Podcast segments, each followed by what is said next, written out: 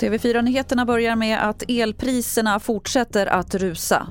Vinterkylan tränger sig på och gräver allt djupare i plånboken hos landets husägare. Igår sprängdes 4 vallen och tittar man på elbörsen Nordpol så kommer en kilowattimme el i landets södra delar kosta över 6 kronor under de mest elintensiva timmarna ikväll. Trenden är liknande i stora delar av Europa just nu. Mindre gasleveranser från Ryssland, problem med den franska kärnkraften och låg vindkraftsproduktion är några av faktorerna som bidrar. Reporter här var Jens Tolin.